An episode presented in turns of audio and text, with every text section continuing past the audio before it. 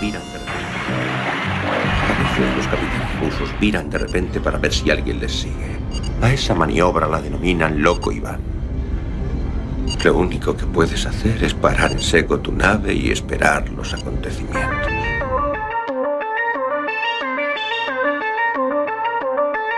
Galasphere 347 of Space Patrol calling unidentified ship. 나나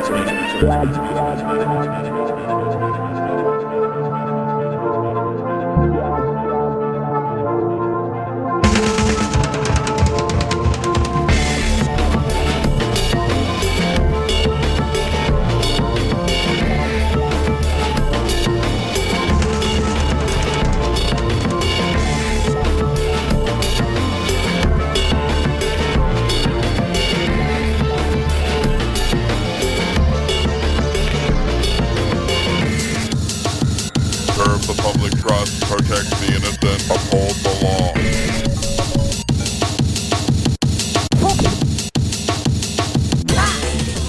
Moi boa noite a todos e a todas É un benres especial tras o solsticio de verán Cando os días se fan máis longos e as postas de sol deciden durar unhas horas máis en Galicia O submarino nucelar máis intrépido de toda a Unión Soviética tomou unha firme determinación a de descansar durante uns meses para repoñer forzas. Foi unha tempada especialmente venturosa na que tivemos que loitar con krakens, coñecemos o steampunk, departimos con vampiros e con zombis e nos sobrepuxemos a plagas nucelares de grande importancia. Este é o noso último programa ata que as noites volvan a medrar e teñamos que regresar susca, surcando as escuras augas do río Monelos. O noso último programa, polo de agora, tiña que ser especial. Vamos falar de camiños que nunca rematan e de expedicións imposibles. Falaremos esta noite do universo Tolkien. Teremos, como sempre, música, noticias, o noso habitual relato e falaremos cun home que sabía traducir o élfico.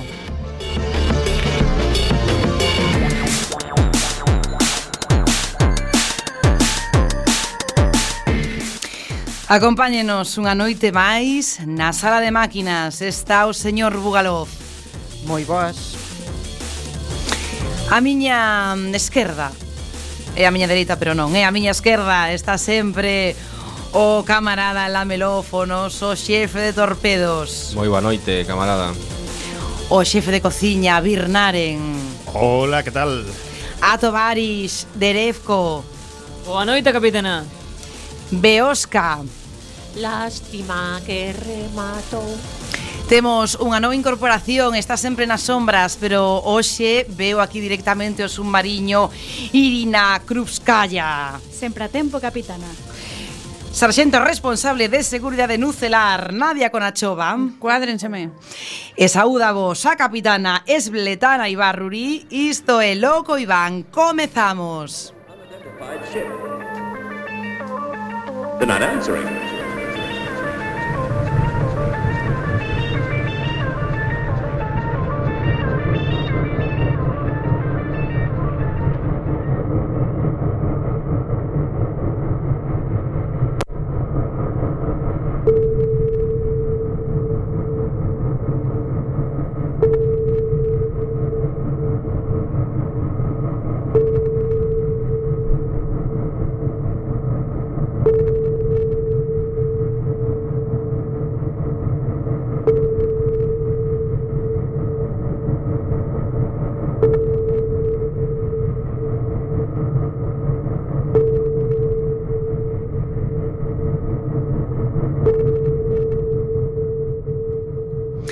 Sabemos que hai unha fuga no reactor nucelar Temos a camarada Beosca e o señor Bugalov traballando fortemente, ferreamente diría eu, nesta avaría. Pero temos que continuar impertérritas ante este acaecido. Así que a esta hora, cando son as 10, 5 minutos e 12 segundos da noite, imos unha última vez antes das vacacións a repasar as nosas noticias máis destacadas da semana, esas que xa saben nunca saen nos medios convencionais que están movidos por unha pequena mano invisible. Vamos a subir periscopio.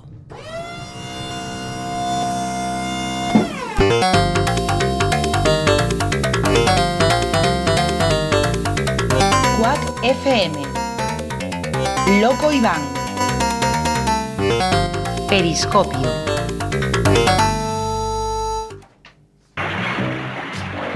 Pathfinder Kingmaker logra financiarse.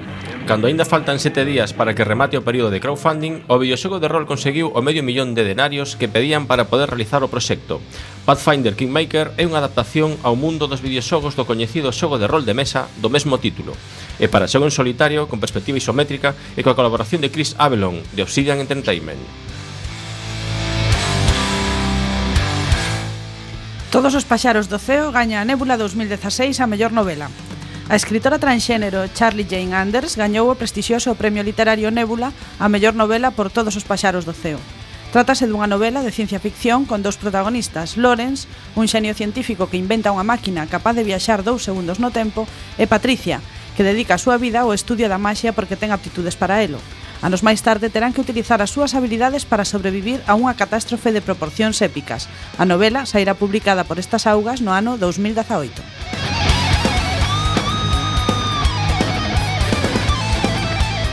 Ese Superman caera na URSS Xa coñecedes o cómic de DC Fillo Roxo Narra a verdadeira historia de Superman Cando caeu na URSS Converténdose nun superheroe soviético Xusto e moito, moito, moito máis atractivo Que unha falsificación norteamericana. Mark Millar, o autor, quixo plantexar un Superman soviético, o cal en sí é unha redundancia, porque soviético é sinónimo de Superman, igual que unha soviética é sinónimo de super, super, superwoman. O caso é que a web Comic Book Movie asegura que están plantexando unha película sobre Fillo Roxo e polo visto ten pretendentes como Jordan Bjork Roberts, o director de Kong, Aya Calaveira, Mark Millar Eh, perdón, porque me estou eh, eh, escéptico sobre o tema, pero quen sabe?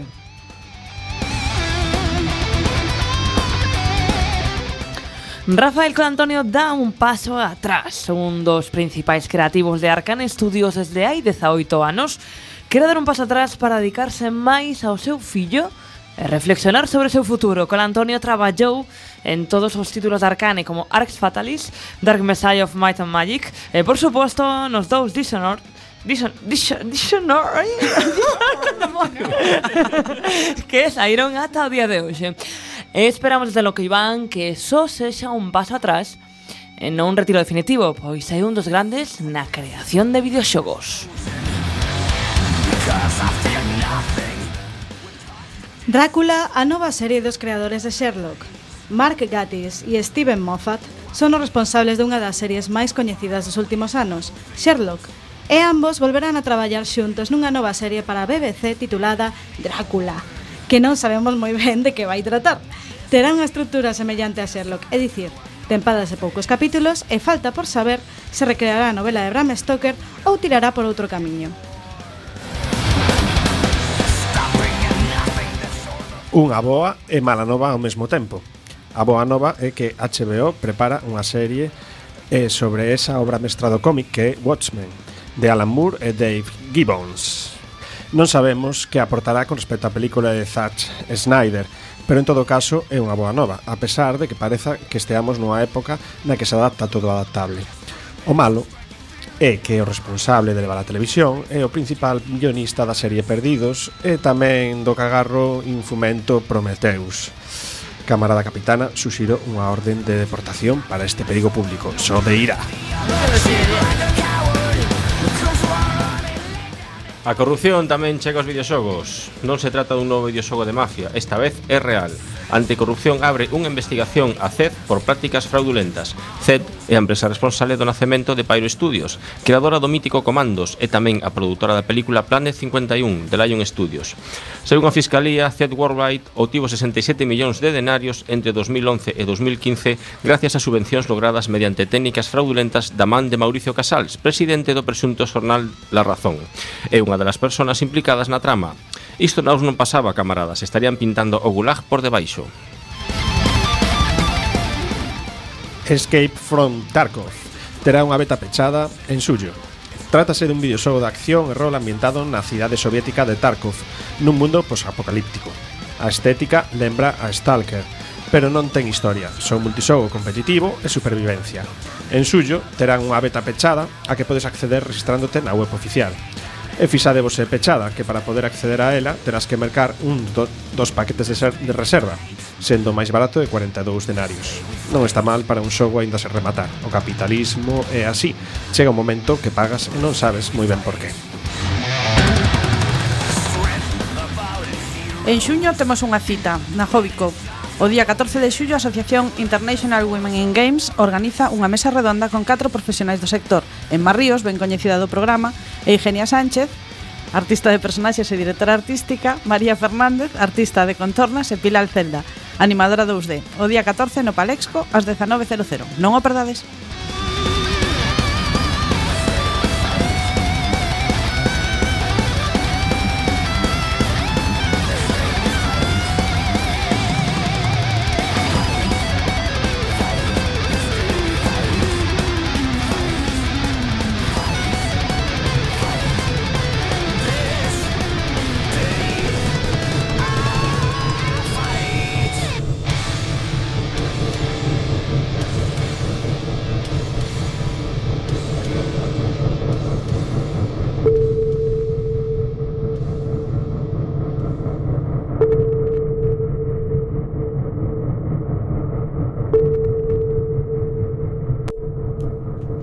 Señor Bugalov, eh, querería saber se temos xa arranxada esa fuga radiactiva que está causando estragos no submarino.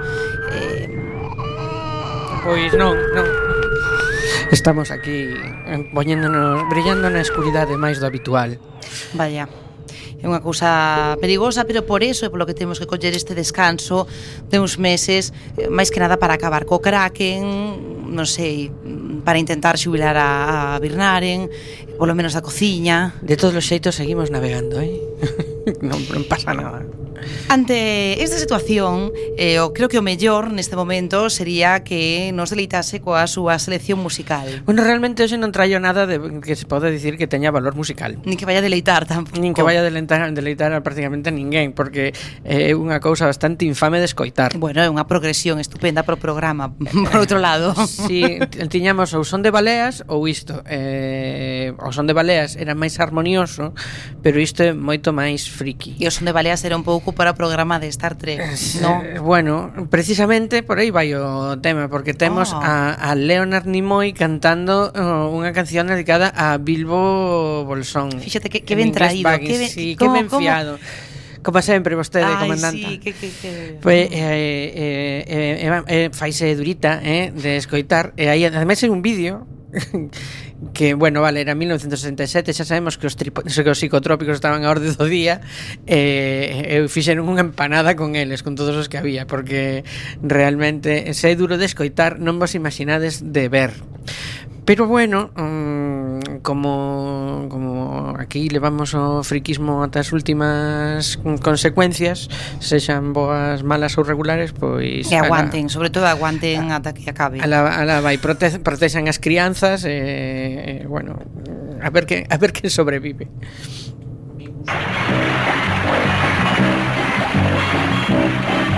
In the middle of the earth, in the land of Shire, is a brave little hobbit whom we all admire. With long wooden pipe, fuzzy woolly toes, lives in a hobbit hole and everybody knows him. Bilbo, Bilbo Baggins, he's only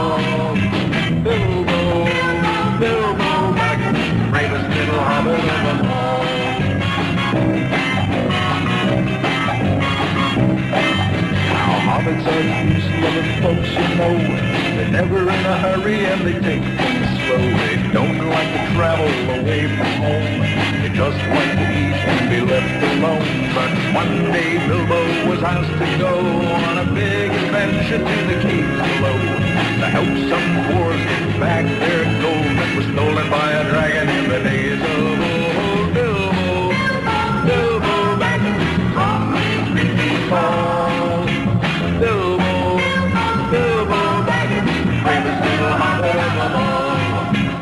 fought with the goblin. He battled the troll. He riddled with Gollum. A magic ring he stole. He was chased by wolves, lost in the forest, escaped in a bow from the Elkins Hall. Bilbo, Bilbo, Bilbo,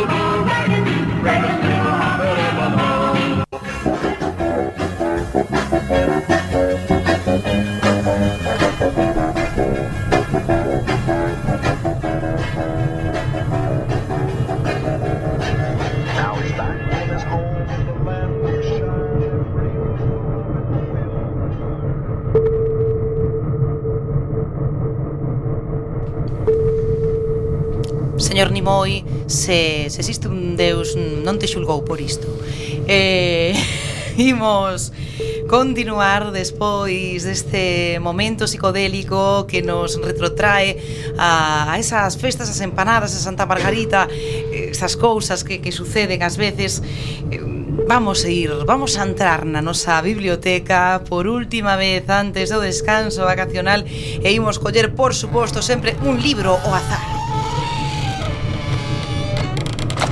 pero que a volta das vacacións está portas de finalmente eh, solucionado este problema de chirrío. Igual podemos quitar a porta. Eh? Poderíamos quitar a porta, poderíamos eh, queimala, pero bueno, mm, teríamos que dar parte a, a Sarxento en todo caso. Non podemos facer eso, camaradas. Bueno, pois vamos a escoller mm, un libro azar e curiosamente unha vez máis a sorte se pon do lado deste submarino para escoller unha obra que ten que ver co tema de hoxe. Eh, titúlase O último anel.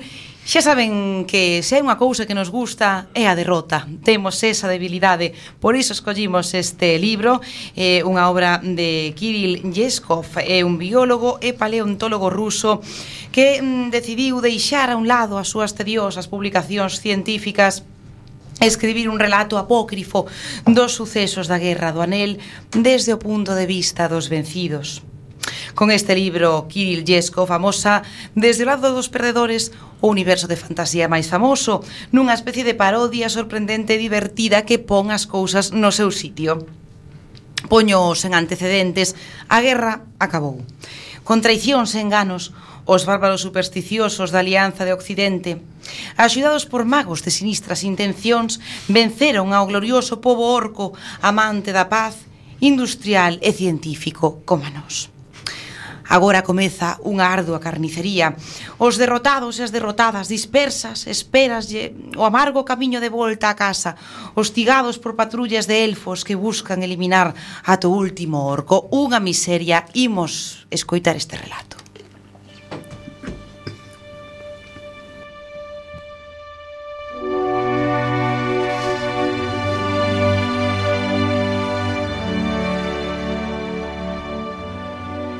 Dime, ¿no te dan lástima? ¿Quiénes? Las personas, Gandalf, las personas. Si no he comprendido mal, acabas de condenar a muerte en aras de un interés superior a la civilización de Umbror. Pero resulta que una civilización es ante todo conjunto de sus integrantes. En consecuencia, también a ellos habrá que aniquilarlos para que no vuelvan a reproducirse, ¿no es así? La compasión es mala consejera, Searuman. Tú has podido verlo en el espejo, como todos nosotros. Muchos son los caminos que conducen al futuro, pero siga el que siga Umbror, antes de tres siglos pondrá en acción fuerzas de la naturaleza que nadie sabrá entonces dominar. ¿Quieres mirar otra vez y ver cómo, en un abrir y cerrar de ojos, conviertan en cenizas toda Midgard, con el extremo oeste por añadidura? Tienes razón, Gandalf. Y no sería honesto negar esa posibilidad, pero en tal caso estás igualmente obligado a aniquilar también a los enanos. En una ocasión ya despertaron al terror de las profundidades y apenas sí pudimos entonces con toda nuestra magia evitar que irrumpiera en la superficie. Y es que estos barbudos avarientos, como tú muy bien, muy bien sabes, son tercos como mulas y no se muestran en absoluto inclinados a aprender de sus errores. Bien, dejemos de ocuparnos de algo que solo es posible y hablemos de lo inevitable. Si no quieres mirar en el espejo, fíjate al menos en las columnas de humo que salen de sus hornos de carbón y de sus fundiciones de cobre. Atraviesa el salar en el que han quedado convertidas las tierras situadas al occidente del agua amarga y prueba a encontrar un solo rastro de vida en los 800 kilómetros cuadrados que ocupa. Eso sí, ten cuidado. No vayas allí en un día de viento, cuando el polvo salado se arrastra por la estepa sin fin de la llanura de Umbror, asfixiando a su paso a todo ser vivo. Todo eso han causado, fíjate bien, apenas han aprendido a dar los primeros pasos. ¿Qué crees tú que harán más adelante? Es como cuando se tienen críos, Gandalf. Todos son molestias. Primero los pañales sucios, luego los juguetes que se rompen, más tarde el reloj del padre destripado. Y no digamos ya cuando crecen un poco. Qué distinto cuando no hay niños en casa, hay orden, limpieza, nadie nos distrae. Pero resulta que los que viven allí no están alegres y a medida que se acercan a la vejez lo van estando aún menos. Siempre me ha asombrado, Saruman, la facilidad con la que das la vuelta a las palabras ajenas y cómo rebates las verdades evidentes a base de sutilezas casuísticas. Pero esta vez, lo juro por los palacios de Tierra Divina, tus trucos no te van a servir. En Midgard hay cantidad de pueblos que ahora viven en armonía con la naturaleza y de acuerdo con el legado de sus antepasados. Esos pueblos, con su peculiar modo de vida, están amenazados por un peligro mortal y considero que mi deber es conjurar ese peligro a cualquier precio. El lobo que se lleva las ovejas de mi rebaño tiene sus razones para actuar precisamente así y no de otra manera, pero yo no estoy en absoluto dispuesta a ponerme en su lugar. Me preocupa tanto como a ti, por cierto, el destino de los pietrorianos y de los marqueños, pero yo trato de ver un poco más allá. Un miembro del Consejo Blanco como tú no puede ignorar que el conocimiento mágico, tomado en su conjunto, por principio no puede crecer con respecto a lo que en tiempos remotos se recibió de manos del herrero y del cazador. Se podrá ir perdiendo más o menos deprisa, pero nadie tiene la capacidad de revertir el proceso. Cada nueva generación de magos será más débil que la anterior y tarde o temprano la gente se quedará a solas con la naturaleza. Será entonces cuando precise de la ciencia y de la tecnología, siempre y cuando, claro está, no hayas acabado tú con todo para entonces. Tu ciencia no les hace ninguna falta, pues destruye la armonía del universo y marchita las almas de las gentes. Debo decirte que puesto en boca de un hombre que se propone desencadenar una guerra, los discursos sobre el alma y la armonía suenan un tanto equívocos. En cuanto a la ciencia, no es en absoluto peligrosa para ellos, sino para ti. Eh, mejor dicho, para tu enfermizo amor propio. Y es que nosotros los magos no somos, en resumidas cuentas, más que los consumidores de lo que, crearon nuestros antecesores, mientras que ellos son los artífices de un nuevo saber. Nosotros tenemos la vista puesta en el pasado, ellos en el futuro. Tú en cierta ocasión elegiste la magia y por ello nunca traspasarás el límite trazado por los dioses, mientras que para ellos, con su ciencia, el aumento del conocimiento y por tanto del poder es realmente ilimitado. Te corroe la más terrible de las envidias, la que el artesano siente hacia el artista. ¿Qué se le va a hacer?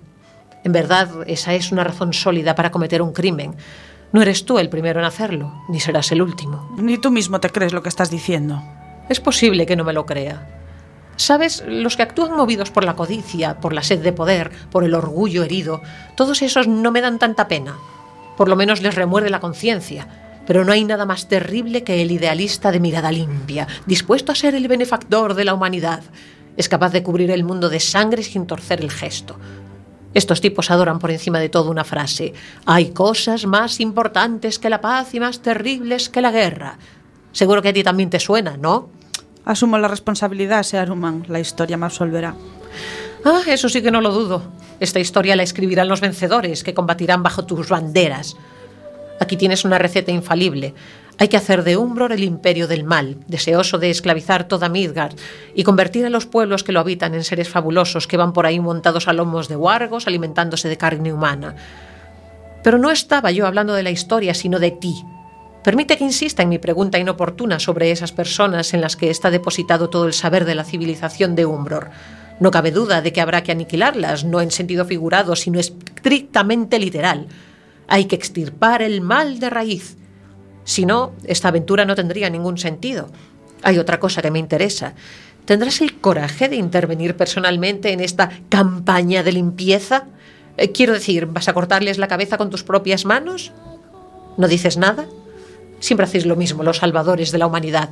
Si hay que idear un proyecto que ofrezca la solución final al problema de Umbror, ahí estáis vosotros. Ahora bien, cuando se trata de poner manos a la obra, os quitáis de en medio. Que se ocupen los ejecutores. Así luego, cuando se comprueben sus excesos, podréis sacudir la cabeza y hacer una mueca de disgusto. Basta ya de demagogia, Saruman. De demagogia. Más te valdría mirar el espejo. Hasta un ciego podría ver el peligro. Si no detenemos ahora mismo a Umbror, nunca podremos hacerlo. Con el paso de los años culminarán su revolución industrial. Descubrirán que los compuestos de salitre no sirven solamente para hacer fuegos artificiales, y ya no habrá remedio. Sus ejércitos serán invencibles, y los demás países se lanzarán a la carrera de imitar sus logros con todas sus consecuencias. ¿Qué tienes que decir a esto? Mientras sea yo quien lleve la capa blanca del jefe del consejo, vosotros tendréis que escuchar todo lo que a mí me parezca oportuno. Pero no voy a entrar en la discusión de si vosotros cuatro, al proponeros manejar el destino del mundo, os estáis arrogando un derecho que nunca ha correspondido a los magos. Veo que sería inútil. Voy a hablar de un modo que me entendáis. Sus oponentes compusieron con sus gestos una expresiva pantomima colectiva que podría haberse titulado El asombro, pero Saruman no quiso saber nada de diplomacias. Desde un punto de vista meramente técnico, el plan de Gandalf para acabar con Umbror por medio de una guerra de desgaste y del bloqueo a sus líneas de aprovisionamiento no parece malo, pero tiene un punto vulnerable. Para vencer en una guerra de esa clase, que sería además muy dura, la coalición antiumbroriana no podrá pasarse sin un aliado poderoso. Con ese fin se propone despertar a las fuerzas, ahora adormecidas, de la época anterior a los hombres, a los moradores de los bosques encantados. Esto ya es en sí mismo un disparate, porque esas fuerzas nunca han servido a nadie excepto a ellas mismas. Pero eso no es todo. Para tener la victoria asegurada, habéis decidido poner en sus manos, mientras dure la guerra, el espejo, ya que solo quien tome parte en ella tendrá derecho a predecir las operaciones bélicas con su ayuda. Esto es un disparate al cuadrado, pero estoy dispuesto incluso a entrar a considerar este aspecto del problema si nuestro colega Gandalf responde con claridad a una sola pregunta. ¿Cómo piensa recuperar después el espejo? En mi opinión, debemos resolver los problemas a medida que vayan surgiendo. ¿Por qué tenemos que partir de la suposición de que ellos no van a querer devolver el espejo? ¿Para qué demonios les va a hacer falta? Se hizo el silencio. La verdad era que Saruman no esperaba una estupidez tan colosal como aquella. Así que a todos estos les parece que eso es lo correcto. Tuvo la sensación de estar luchando desesperadamente por salir a la superficie de un río en pleno deshielo primaveral. Estaba a punto de ser engullido por las aguas heladas. Rudugas, tal vez tú tengas algo que decir. Una silueta marrón se estremeció como un alumno al que el maestro le sorprende copiando los ejercicios e intentó torpemente ocultar con su manga algo que había delante de él en la mesa. Se oyó un estridor furioso y por el brazo de Rudugast trepó impetuosamente una ardillita con la que, por lo visto, había estado jugando durante toda la reunión. Ya iba a instalarse en el hombro del mago selvático, pero este, turbado en extremo, le susurró algo al tiempo que fruncía sus pobladas cejas grises y el animal, sin resistir, desapareció de inmediato entre los pliegues de su vestimenta. Saruman, querido, debes disparar a este pobre viejo. Pero lo cierto es que yo no... En fin, no, no he profundizado mucho. Eh, pero no os peleéis, ¿de acuerdo? Eh, pues lo cierto es que entre nosotros andamos a la guerra. Si entre nosotros andamos a la guerra, ¿qué será entonces del mundo? En cuanto a esos, vaya, los de los bosques encantados, no te ofendas, pero creo que tú... Bueno, eres demasiado. Eh, Recuerdo haberlos visto en mi juventud. Desde lejos se entiende y a mi entender realmente no son nada especial. Naturalmente tienen su intrínculis y quien no. Eh, viven de la perpetua armonía entre los parajillos, pajarillos y las firecillas. Eh, eh, no como esos de Umbror a los que tú... Es lo que pienso. Quiero decir que... mm, Bueno... Muy bien, resumió mentalmente Saruman, y se pasó despacio la palma de la mano por la cara, como si tratara de quitarse la telaraña de cansancio infinito que se le había quedado pegada. Aquel era el único apoyo con el que podía haber contado. Ya no le quedaban fuerzas para seguir luchando. Todo había terminado. Se había hundido bajo el hielo. No es que te hayas quedado en minoría, Saruman, sino que estás completamente solo. Por supuesto, todas tus consideraciones tienen para nosotros un enorme valor. Vamos a debatir la cuestión del espejo. No es un asunto nada sencillo. Ahora es tu problema, Gandalf. Hace mucho que aspiras a la capa blanca. Tómala. Haced lo que os parezca oportuno. Yo dejo vuestro consejo. Entonces tu bastón perderá su fuerza, lo sabes, ¿verdad? Gritó Gandalf a sus espaldas. Evidentemente su asombro era genuino y ya no comprendía a su eterno rival. Saruman se volvió para contemplar por última vez la lúgubre sala del Consejo Blanco. La blanquísima capa que colgaba de un sillón y cuyo extremo llegaba hasta el suelo parecía el agua de una fuente iluminada por la luna. La plata gris del broche le lanzó un resplandor de despedida y se apagó después. También Rudugast, que había salido en pos de él, se detuvo bruscamente a medio camino. Quedándose en una postura absurda, con los brazos tendidos, el mago parecía ahora pequeño e infeliz, como un niño que se ha envuelto en las niñas de sus padres. En ese momento, de sus labios salió una frase que una vez más venía a coincidir de forma sorprendente con otra frase pronunciada en una situación a la análoga en otro mundo. No es un crimen lo que vais a cometer, sino algo peor. Vais a cometer un error. Algunas semanas más tarde, las patrullas de reconocimiento de Umbror informaron de, de que en los confines de los bosques septentrionales había aparecido, venidos de no se sabía dónde, unos elfos, seres esbeltos de cabellos dorados, voces melodiosas y ojos profundamente helados.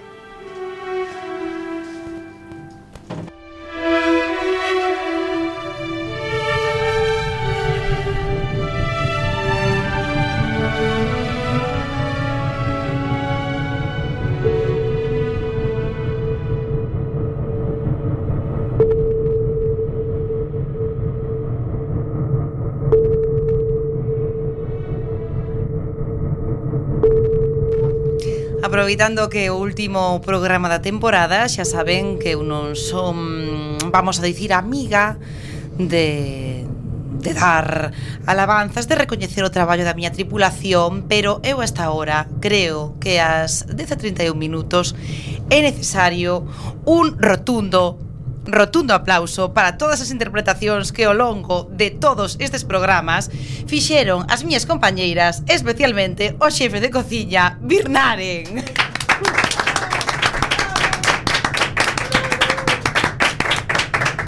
Birnaren, por favor, eu quero que, que digas algunha das túas frases máis eh, máis tremendas ao longo de todas estas esta, estes programas? Mm, bueno, pois pues non, non esperaba este recoñecemento, por favor. eh, eh, te, tería moitas dedicatorias que decir, non? Pero, pero bueno, as miñas compañeiras sempre sempre están no mellor, non? Aquí con a chova, Beosca, mm, eh, pois pues, frases así que recordo, pois unha así moi interesante que creo que decía, "Oh, no, E, bueno, frases así mm, Xa non lembro máis ah, Iso non o chegaste nunca a pronunciar, pero bueno, mm, creo eh. que unha vez dijiste teta. Sí, y, y mochar. Y cola o algo así. Sí. Había, había un relato de Conan aí bastante interesante. Bueno, pois despois deste, deste merecidísimo recoñecemento vamos a, a abrir a escotilla porque temos que traer a noso invitado de esta noite que é Jesús Iglesias. É docente, é traductor de inglés, pero aparte de eso tengo una vida súper secreta. é un experto no mundo de Tolkien que formou parte nos seus inicios da Sociedade de Tolkien en España. Moi boa noite, Jesús. Moi boa noite. Eh, contanos, como se organiza, cales son as peculiaridades da sociedade de Tolkien mm, no Estado español e ademais en, en Galicia, o sea, que hai que facer para ser da sociedade de Tolkien? Mm, bueno, pues, ter eh, un eh, peluxe nos pés, que hai que facer? Bueno, eh, que facer, bueno, primeiro poñes en contacto coa sociedade de Tolkien eh, que se pode hacer, bueno, temos eh, página web da Sociedade Tolkien Española e eh, que se divide en distintas seccións que se lle chaman esmiales e eh, simplemente, eh, bueno, ten unha eh, unha cuota anual, eh, logo recibes unha revista eh, e, e ademais pois podes hacer, pois por exemplo, pois as eh, as eh, reunións que teñen eh, ao, longo, ao longo do ano que se chaman a ah, Estelcon, que é a reunión eh, que hai anual, que cada vez ano se celebrando un sitio, e aí nos reunimos aí todos os frikis do Señor dos Anéis, os pasamos fenomenal, e facemos incluso un concurso de Eurovisión, eh, bah, está moi ben. A verdade é que para todos os aficionados de Tolkien ten distintas seccións, sección de cociña, sección de de música, de poesía, un pouco de todo, un pouco de todo. O sea que poderíamos mandar o señor Birnaren que o noso xefe de cociña eh, a ese concurso de, de cociña de, de, de, da Sociedade sí, sí, de Tolkien. Sí, sí, sí, hai concursos aí de galetas hobbits, eh, de todo, un poquinho de todo, sí, sí, a verdade que sí. Mm, galletas hobbits, bueno. Eh, participou vostede na organización hai xa anos, sí. en 2000 Eu tiña aquí apuntado 2007, 2007, 2007 vale, vale, porque 2007, sí. tiña que a compañeira Irina que estaba lendo o guión secreto escrito en tinta, en tinta de limón invisible que poñía 2008, pero como é moi fricaza dixo, "Non, non, non, 2007, capitana." 2007, sí, sí, porque antes sí. Eh, bueno, pois pues foi, eh, foi un, un dos organizadores e eh, traductor da, da exposición do Señor dos Anéis cando veo aquí para, para España que levou a cabo nada máis que estivo en Galicia, estuvo en Coruña, estuvo, estivo en Santiago de Compostela, e organizou, bueno, estuvo na sede de Fundación Galicia Galicia, pero organizou unha empresa que se chama Ilus Visual Technologies, eh, un pouco eh, a raíz eh, tamén... Que, eh, perdona, porque isto é moi importante. Mm, que hai que facer para ser encargado da traducción? O sea, que, que, que traducía vostede exactamente? Pois, eh, primeiro ser moi serique. Estar no sitio adecuado no momento adecuado. Eu fixera un, un, eh, un máster de producción audiovisual, estaba metido un poquinho nos temas de audiovisuais, de cine, televisión, un poquinho tal, e eh, alguén teña o meu contacto e eh, andaban buscando por alguén que tiese pois eso, moi bon nivel de inglés pero sobre todo que se fose moi friki do Señor dos Anéis. E tiese un poquinho de idea de cine, de produción e tal. Entón, pois, eh, deron conmigo, mo propuseron e eh, aceptei, obviamente, de cabeza. E, eh, vamos, non, non podía creer a miña sorte de, de estar coordinando e traducindo a España exposición do Señor dos Anéis, que ademais ten un pouco de, de complicación, porque claro, eh, o profesor Tolkien pois encargara que eh, os nomes de todos os personaxes, eh, tamén eh, de todas as espadas, eh, destas criaturas, pois que tivese unha traducción oficial. Por exemplo, tes un, un caso moi típico é eh, de Bárbore, eh, Triver, non? Entón xease de tree, que de árbol, e bear, de, de barba, non? Entón tiñas un montón de personaxes e de espadas e de nombres, Bilbo Bolsón, Bilbo Baggins, eh, Bolsón Cerrado, pois pues era Back End, Sting era a espada de Frodo, que era Dardo, entón tiñas que ter unha traducción precisa, pero claro, estamos falando de 800 obxetos, eh, e eh, moitos deles pois tiñan unha traducción oficial de unha editorial Minotauro, claro, e a película, obviamente, que, que estaba todo, eran obxetos da película do Señor dos Anéis. Entón, pois así foi un pouco como entrei. E a exposición o conseguimos traer un pouco tamén a Galicia foi un pouco a raíz de dun festival de cine eh, de animación 3D que ten lugar na sede de Fundación Caixa Galicia todos os veráns, que se chama Mundos Digitais. Non sei se os soa un poquinho. Sí, sí, sí, sí, que nos soa moito. Mundos, mundos digitais, mundos digitales. Igor, sí, gracias por esa. Como, como eres traductor, pois está moi ben. Digital bueno, sí, obviamente, sí, sí eh, bueno, ten unha pregunta Irina, sí, creo. Eh, hola, camarada sí. Jesús, son Irina Cruz Calla. Hola, Irina, que tal? un placer. Eh, eu tiña unha pregunta para ti. Dime. que, bueno, eu recordo que la exposición, e recordo que tivemos unha visita extraordinaria de sí. dun, dun Uruguai. Sí. Explícanos dúas cousas. En primeiro lugar, que tal foi esa visita, como foi? En segundo, explícanos de onde veo a frase que o licor café sabe a sangre de orco. Bueno, en, en, en todo caso foi a queimada, máis que nada.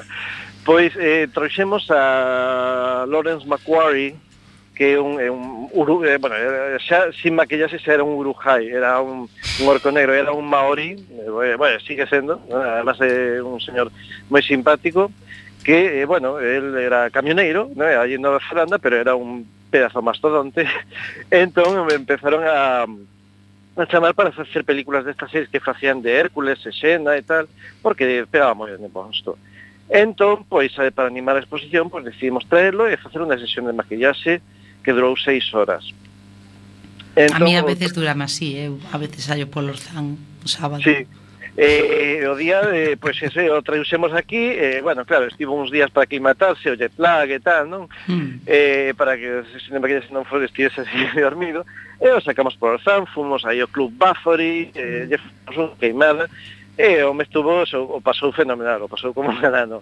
Eh, eh, eh, nada, bueno, pois pues eso aprobou, lle gustou moito, eh, lle gustou Galicia e o día seguinte cando fixemos a sesión de maquillaxe, pois pues, eh, os, eh, a xente pois pues, lle preguntou eh, pois pois la sangre, non? Porque había unha escena moi coñecida da película que cando se con Aragón, porque este facía do Xeraldo Surujai, era Lutz. E hai unha escena que eh, el mata a un personaxe que se chama Boromir, non sei se vos uh -huh. lembrades, Oh, eh, sí, un entón chega Aragón, eh, se enfrenta a él, eh, eh, primeiro lle clava un coitelo na perna, e despois lle corta a cabeza, non? Entón, cando el eh, colle o, o coitelo con que lle clavou a perna, despois o saca e así en plan Bruce Lee, pois pues, lle pega un lambetazo o coitelo, non?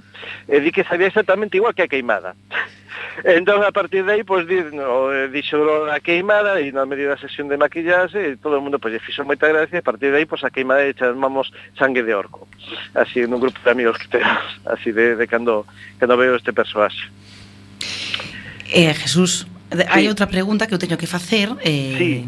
importante, nos estamos saltando o tema, pero mm, sí, dime. a xente merece saber que vostede ten un anel de Christopher Lee ou algo ah, bueno, así. Eh, algo en relación tamén ten, porque Christopher claro. Lee despois de todo era Saruman. Efectivamente, que intentamos... eu, eu fío as fío as preguntas como se fora unha palilleira de cabaliñas, no?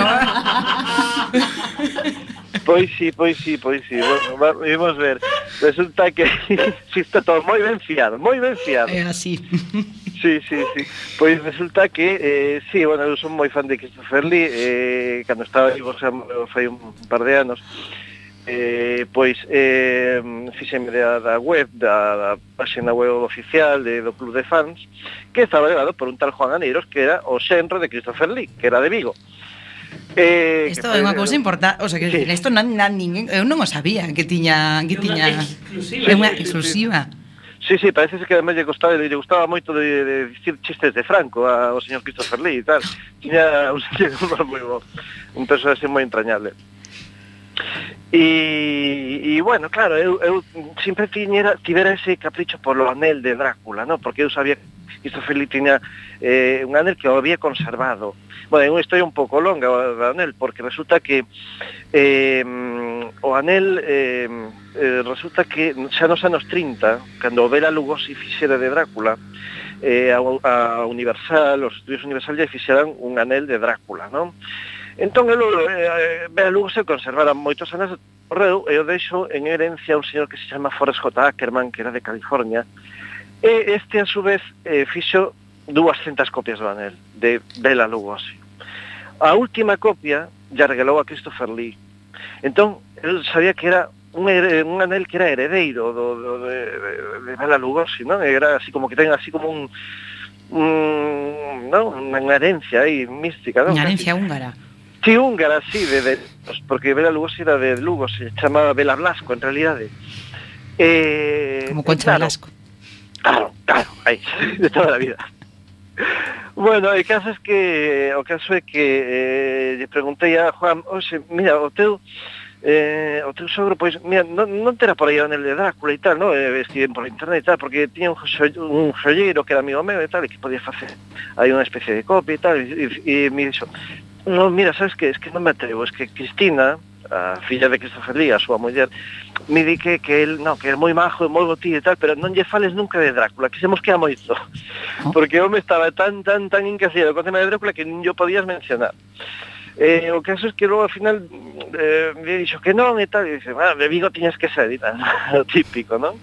E eh, acabo de, sin embargo, acabo de un, un ano ou algo así, pues, apareceu na página web, me había pillado a idea.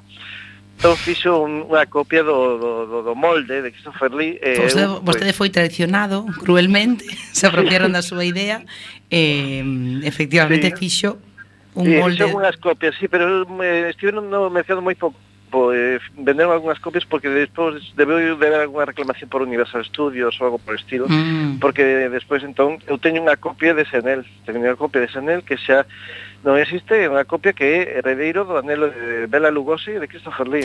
É un anel, aparte que comentaba vostede que un anel é bastante xigante. É eh... voluminoso, sí, porque además os ves nas películas de da Hammer dos anos 60 e así, eh, e o ves non parece aí enorme, non, pero Claro, es que Christopher Lee considera que é un tío de dous metros, un tío moi alto, moi grande, xa tiña además a voz que, que por desgracia o vemos doblado sempre, non? Pero, pero eh, eh tiña unha voz de barítono, además lle gustaba moito cantar ópera, non? E, e as mans, la, os dedos moi longos, e, entón o, anel, o anel, pois pues, claro, o pillo e eh, me ocupa media man, casi, non? Pero ele lo levando meñique, eh, parecía aí gigantesco, parecía aí tirando grande, como un selo aí, Son selo moi bonito, ten eh, unha D, a D de Drácula, en riba ten un morcego, e eh, ten as eh, catro coroas de eh, Moldavia, Valaquia, Bucovina e Transilvania. Bueno, o ten que ser grande, claro, para... Sí, sí, sí a verdade. ¿eh? Pois Jesús Iglesias Rosende, moitísimas grazas por estar con nós no Submarino esta noite eh, esperámolo para que nos siga falando desas cousas, desas historias tan bonitas que sabe pois vostede. Pues, cando queirades, cando queirades, contade comigo para que sexa. Moi ben. Moi ben, bueno, pois pues, moitísimas gracias vos. Ata logo. Hasta logo, chao. Hasta liño, boas noites.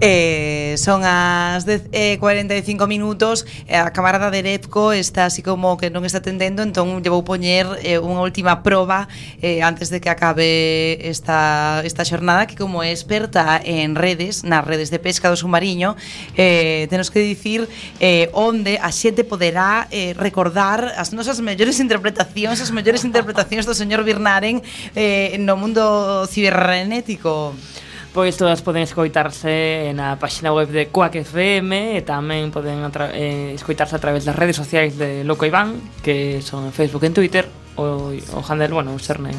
O, no, o nome, eh, Loco Iván Quack. Moi ben, estabas, estabas case atenta Case eh, Vamos ir co inmersión xa eh, Temos o xefe de torpedos eh, Que por suposto eh, Tiña que foi capaz de, de encontrar un hobby soviético. Efectivamente. Bueno, o mundo de Tolkien é así, eh, ten moitísimas sorpresas. En canta películas e videoxogos, eh, a cousa non é demasiado extensa, salvo aos xogos que estiveron, bueno, inspirados na Terra Media, ou a, por suposto a clásica triloxía de, de Peter Jackson non? pero eu sempre teño que falar de cousas de cousas rarunas pero antes de falar do Hobbit soviético quería falar de, de outra película tamén un poquinho menos coñecida non?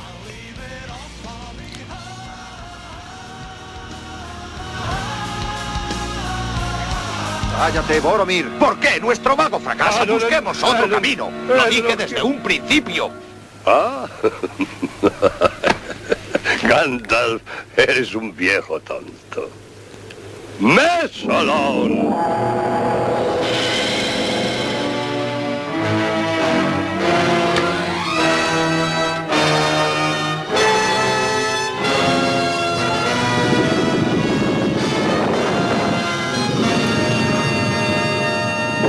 entonces bastaba con pronunciar la palabra amigo y entrar. Eran tiempos más felices. Tempos máis felices. E a película de animación de Ralph Basky do ano 1978 que narra pois os libros A comunidade do Anel e gran parte das dúas torres.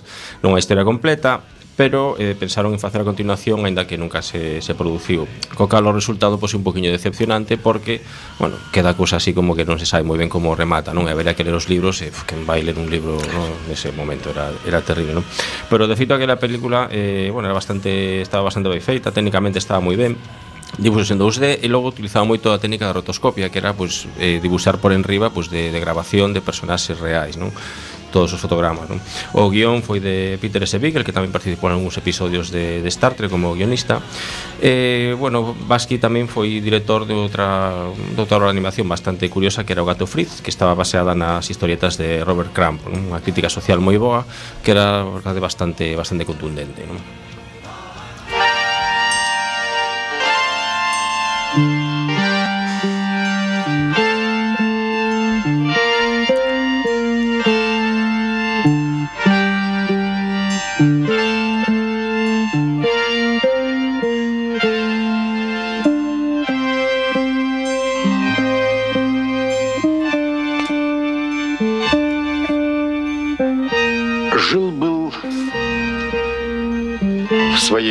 Норе под землей хоббит. Не в какой-нибудь мерзкой, грязной, нет. Хоббитом. A mí é que me entra a morriña cando escoito, escoito cousas da...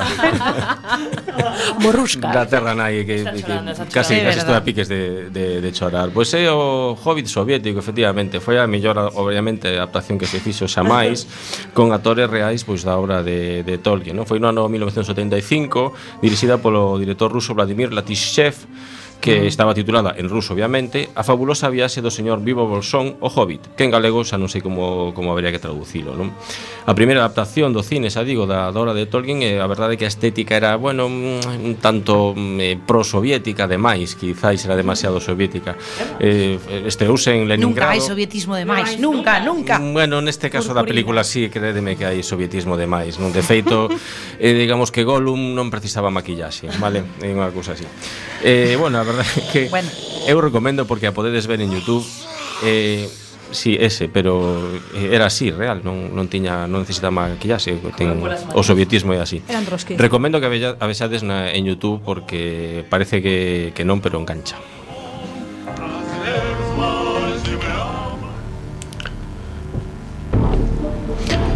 Ben, esta que musiquiña que soa pois é eh, tamén para entrar un poquinho no mundo dos videoxogos. Do videoxogo Age of Wonders. Eu dicía que non había así grandes videoxogos na, pois de, de Tolkien ou do mundo da Terra Media directamente relacionados. A ver, os que hai son un poquiño Bueno, non son nada especiais Salvo pues, a primeira que, que saiu Os primeiros que saíron pues, que foi o Hobbit de, para Spectrum Que era unha abertura conversacional do 92 Está moi ben eh, O Señor dos Anéis tamén tamén había Si, sí, había logo na 92 E un, pues, o Señor dos Anéis dos volúmenes Que era de Electronic Arts e Interplay pero realmente eh, faltaba esa sustancia do que todo o mundo esperaba pois do, dunha serie como dunha, damos dunha saga como como a de Tolkien. Eso of Wonders hai no ano 99 eh, foron deu lugar a tres videoxogos en total, o último hai uns poquinos anos que de estrategia, de estrategia de fantasía e con, eh, digamos moi inspirados pois no que na, na Terra Media con moitos personaxes tolkienianos, con multixogador con incluso partidas por, eh, por correo electrónico e, eh, bueno, de un xeito semellante parecido a Heroes of Might and Magic pero moito máis evolucionado e, e avanzado. E o curioso que tiña pois, unha traducción ao español da primeira parte no que por exemplo tres turn left o sea, three turn, three turn left é dicir que quedan tres turnos para rematar a partida traduciron como tres xirar á esquerda ou Smashing Club que é unha maza de aplastamento como o club do, do aplastamento. Realmente unha traducción eh, gloriosa que eh, recomendo tamén pois, eh, vamos, da mellor traducción que relemos dun videoxogo. É, é así. Eu me acordo eh, grandes eh, traduccións no de castelán a, a galego de, de, de políticos senlleiros desta terra como Pilar Rojo, que era que era a presidenta do, do Parlamento eh, galego, que era do PP, entón a, se metías no traductor salía Alicerce Vermello, que a vez podía ser pues, unha superheroína importantísima, non podía ser porque era do PP, pero bueno, eh, supervillana. Era, sí, bueno, era Alicerce Vermello, era así, así. Alicerce era. Vermello contra o, Platana e Claro, o, o grupo Correos que a mí me gustaba moito, que era que que, eh, o metían no traductor e saía Corredevos, no, me parecía un un grupo estupendo.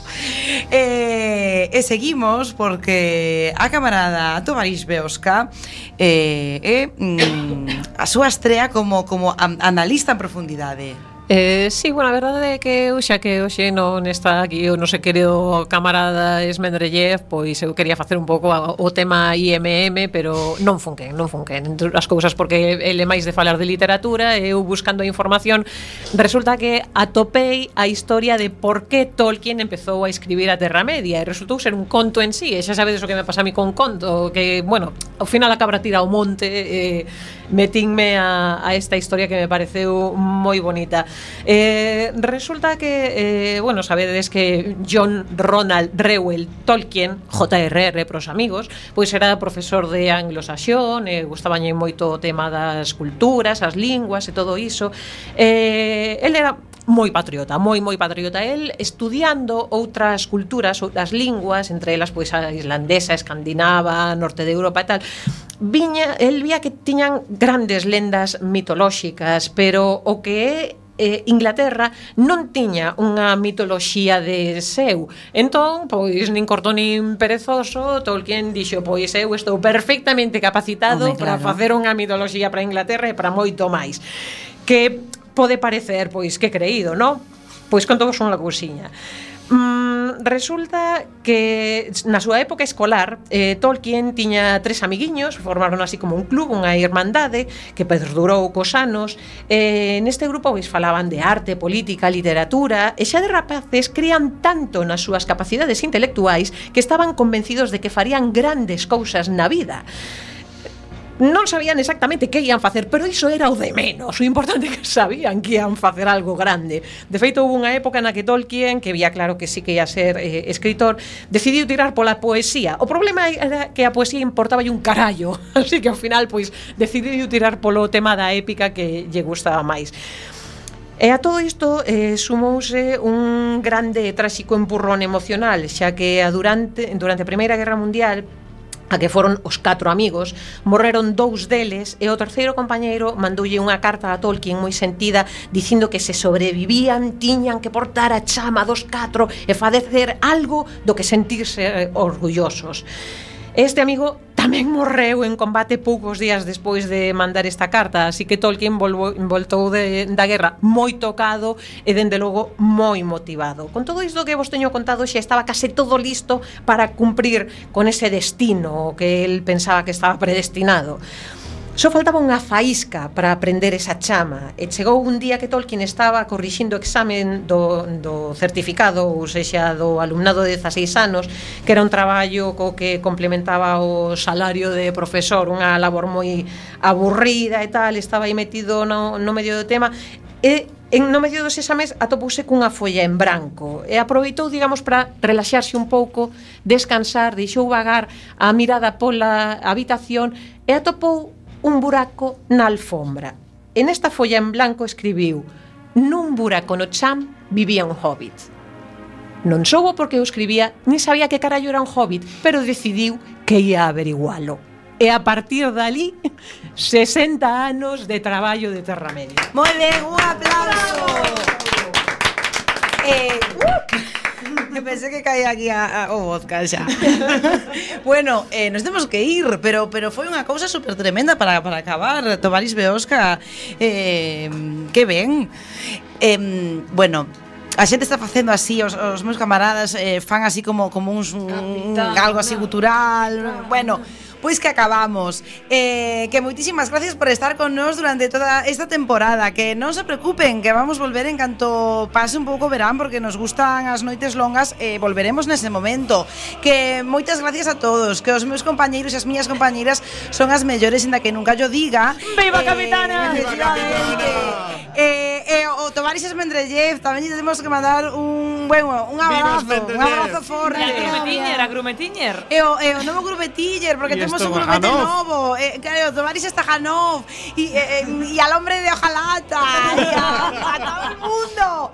Eh, que pase muy bien, que se sean muy felices, eh, que beban mucha vodka, pero con moderación. Nada, que. ¡Viva Unión Soviética! ¡Viva! ¡Viva Capitana! ¡Viva!